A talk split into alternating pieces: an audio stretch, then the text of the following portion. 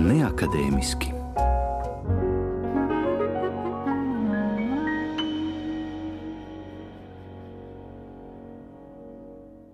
Klasikas neakadēmiskajā pusstundā Fabricio de Andrē ar mūžu no 1940. gada 18. februāra līdz 1999. gada 11. janvārim, kad itāļi zaudēja vienu no saviem mīļākajiem dziesminiekiem, kurš rakstīja balādes pirmās jau patsmitnieka vecumā, iedvesmojoties no Žorža Brasensa un viduslaiku trubadūru mūzikas - balādes par cilvēkiem, par dzīvi. Šai reizē dziesmas no Fabricio de Andrē pēdējā albuma anime Salve, kuru klajā laidusi firma Sony 1996. gadā un kas uzrakstīts kopā ar Ivano Fosati. Sākums ar dziesmu anime Salve un te Fabricio de Andrē dzied kopā ar Ivano Fosati.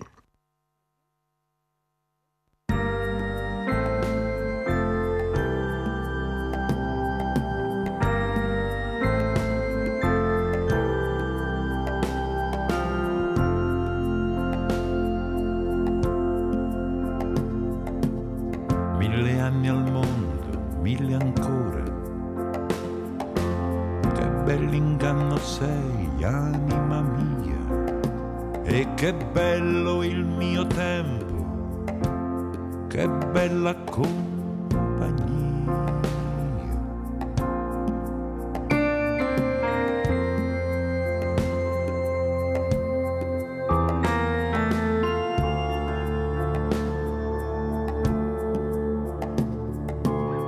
Sono giorni di finestre adornate, canti di stagione, anime salve in terra e in mare.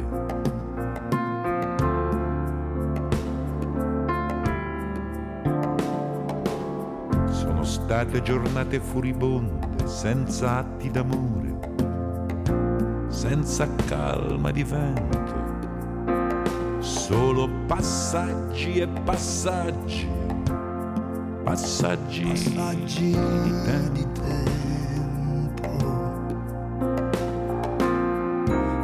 infinite come costellazioni e onde, spietate come gli occhi della memoria.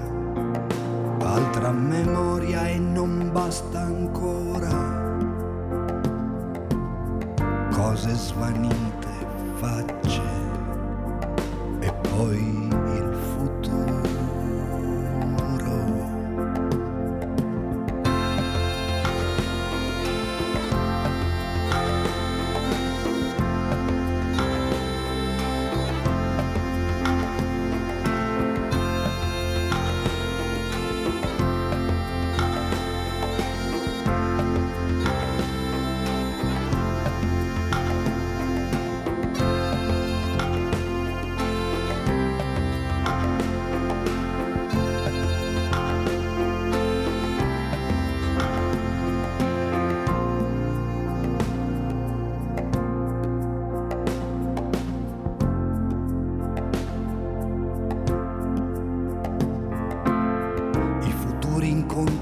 belle amanti scellerate. Saranno scontri, saranno cacce coi cani e coi cinghiali, saranno rincorse, morsi e affanni per mille anni, mille anni al mondo, mille ancora.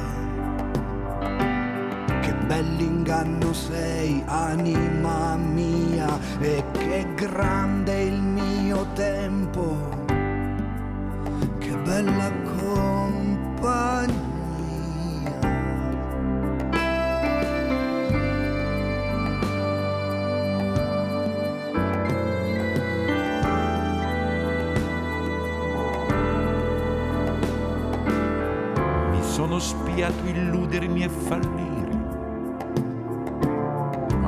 abortire i figli come i sogni.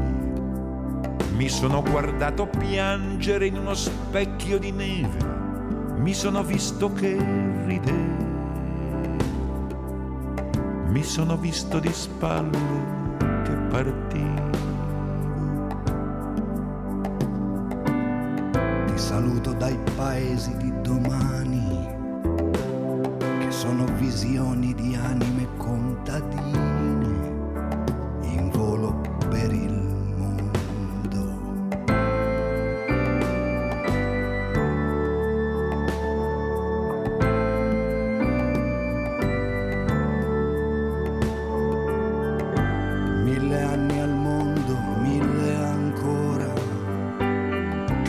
inganno sei, anima mia.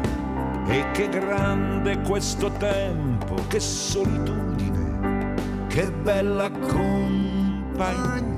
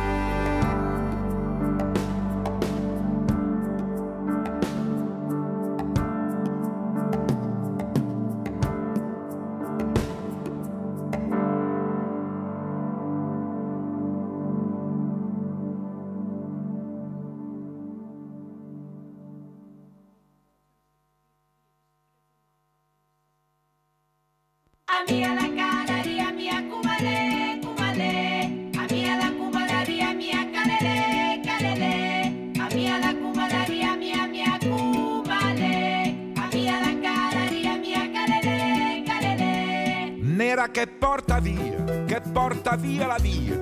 Nera che non si vedeva da una vita intera così dolce nera, nera, nera che picchia forte, che butta giù le porte. Nera di mala sorte che ammazza e passa oltre. Nera come la sfortuna che si fa la tana dove non c'è luna, luna. Nera di falde amare che passano le bare. Ah, ma la moglie di Anselmo non lo deve sapere che è venuta per me, è arrivata da un'ora e l'amore all'amore come solo argomento il tumulto del cielo ha sbagliato un momento.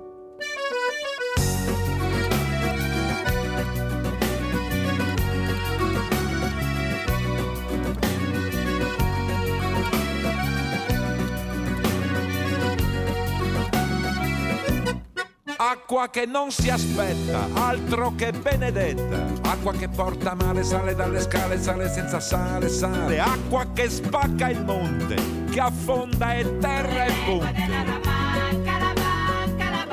Ma la moglie di Anselmo sta sognando del mare, quando ingorga gli anfratti si ritira e risale, e il lenzuolo si gonfia sul cavo dell'onda, e la lotta si fa scivolosa e profonda.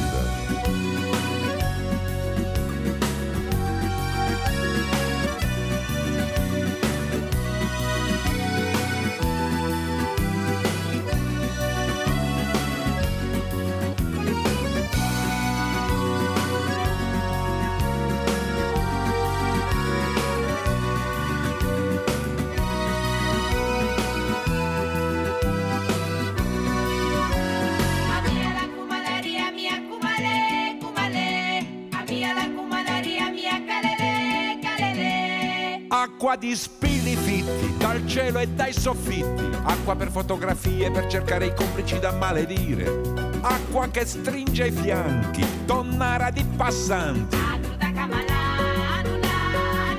Oltre il muro dei vetri si risveglia la vita che si prende per mano a battaglia finita.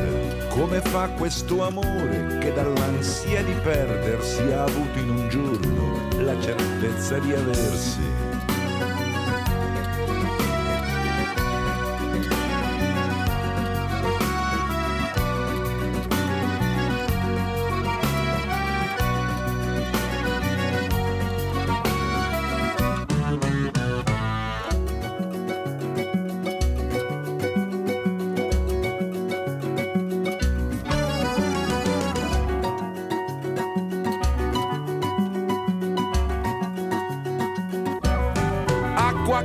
Fatto sera, che adesso si ritira, passa sfida tra la gente come un innocente che non c'entra niente, fredda come un dolore, dolce nera senza cuore. E la moglie di Anselmo sente l'acqua che scende dai vestiti incollati, da ogni gelo di pelle, nel suo tram scollegato da ogni distanza, nel bel mezzo del tempo che adesso le avanza. Così fu quell'amore dal mancato finale, così splendido e vero da potervi ingannare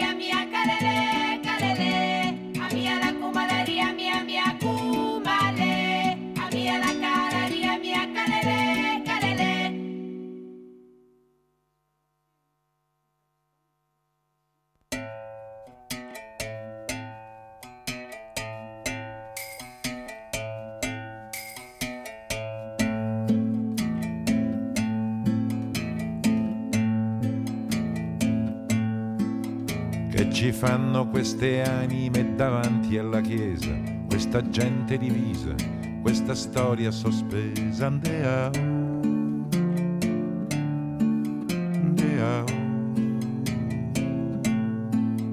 A misura di braccio, a distanza di offesa, che alla pace si pensa, che la pace si sfiora. Andeao.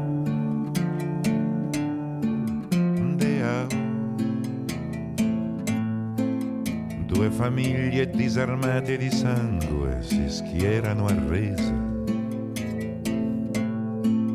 E per tutti il dolore degli altri è dolore a metà. Si accontenta di cause leggere la guerra del cuore. Il lamento di un cane abbattuto da un'ombra di passo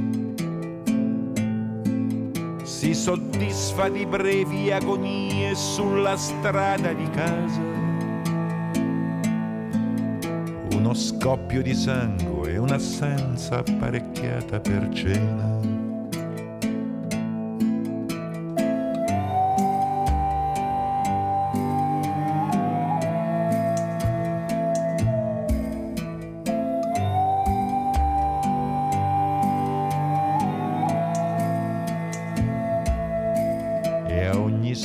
Di caccia all'intorno si domanda fortuna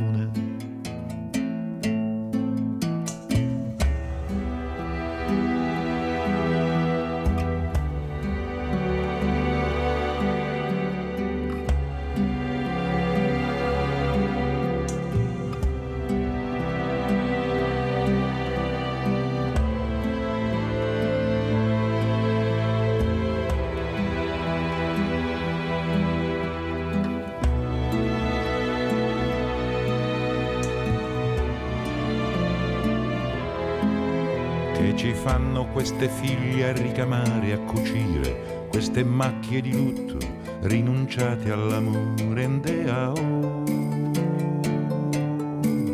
ndeao. Fra di loro si nasconde una speranza smarrita che il nemico la vuole, che la vuole restituita. Ndeao.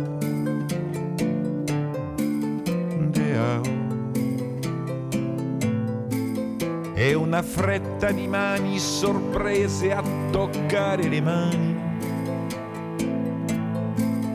Che deve esserci un modo di vivere senza dolore. Una corsa degli occhi negli occhi a scoprire che invece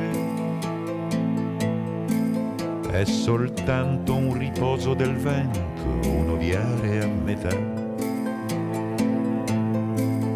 Alla parte che manca si dedica l'autorità.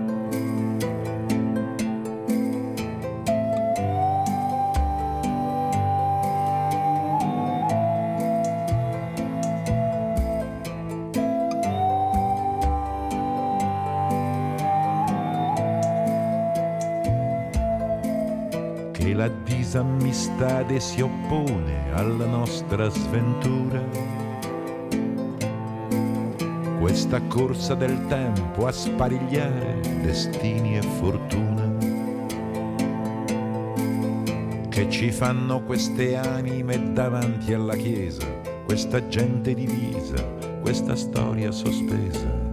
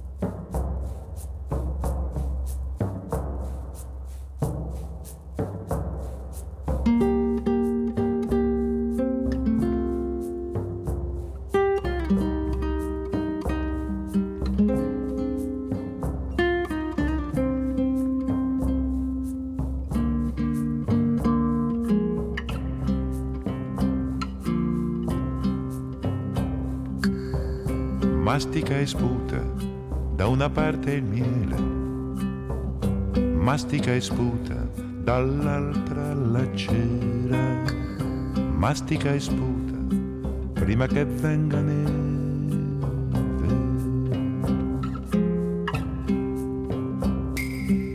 Luce, luce lontana, più bassa delle stelle, sarà la stessa mano che ti accende e ti spegne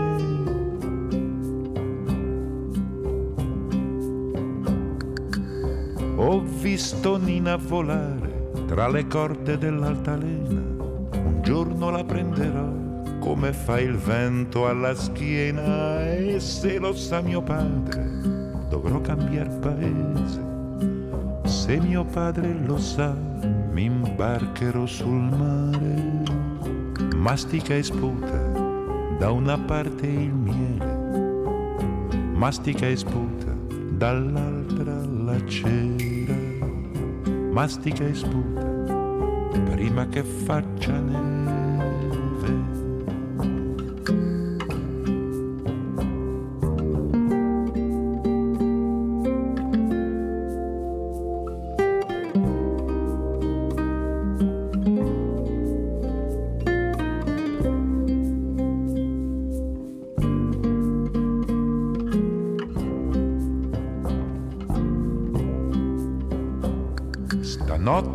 Venuta l'ombra, l'ombra che mi fa il verso. Le ho mostrato il coltello e la mia maschera di gelso e se lo sa mio padre mi metterò in cammino. Se mio padre lo sa mi imbarcherò lontano. Mastica e sputa da una parte la cera, mastica e sputa dall'altra parte il miele, mastica e sputa prima che metta neve.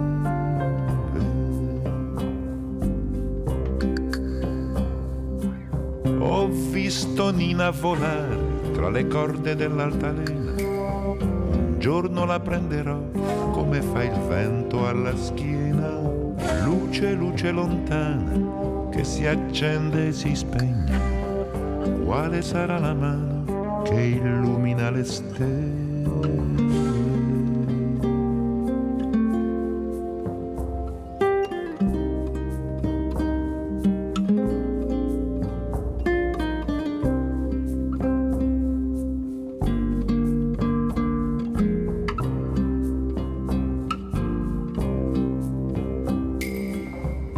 mastica e sputa prima che venga neve.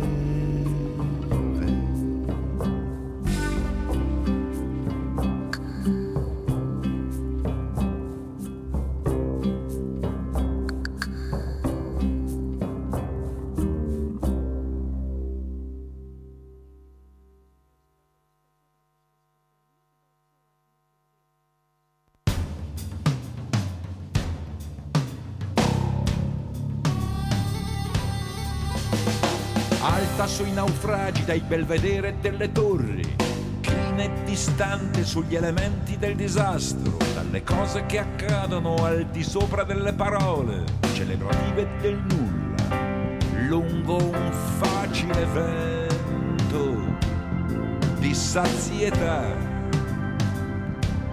di impunità. sullo scandalo metallico di armi in uso e in disuso, guidare la colonna di dolore e di fumo che lascia le infinite battaglie al calar della sera. La maggioranza sta, la maggioranza sta recitando un rosario di ambizioni meschine di millenarie paure, inesauribili astuzie, coltivando tranquilla l'orribile varietà delle proprie superbie, la maggioranza sta come una malattia, come una sfortuna, come un'anestesia, come un'abitudine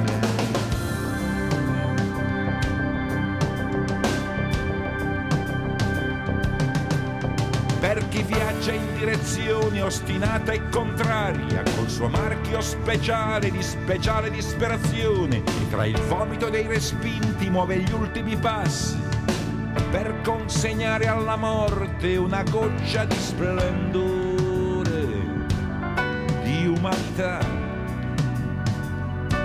di verità.